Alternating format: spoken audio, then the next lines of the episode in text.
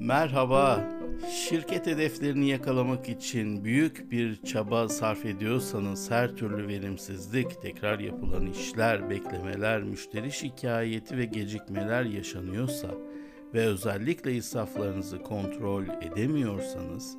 işlerin yürümesi tek ve bazı kişilere bağlı ya da bağımlı ise, veri yönetim sisteminiz yeterli değil veya yararlanamıyorsanız, verimlilik, karlılık, performans geliştirme yeterli seviyede değilse, maliyetlerinizi sistematik olarak gözden geçirip iyileştiremiyorsanız, yoğun bir çalışma temposuna rağmen problemler eksilmiyorsa ve özellikle tatmin edici bir karlılık elde edemiyorsanız size önerim takip ve kontrol yöntemlerini geliştirmeniz ve sürekliliğini sağlamanızdır.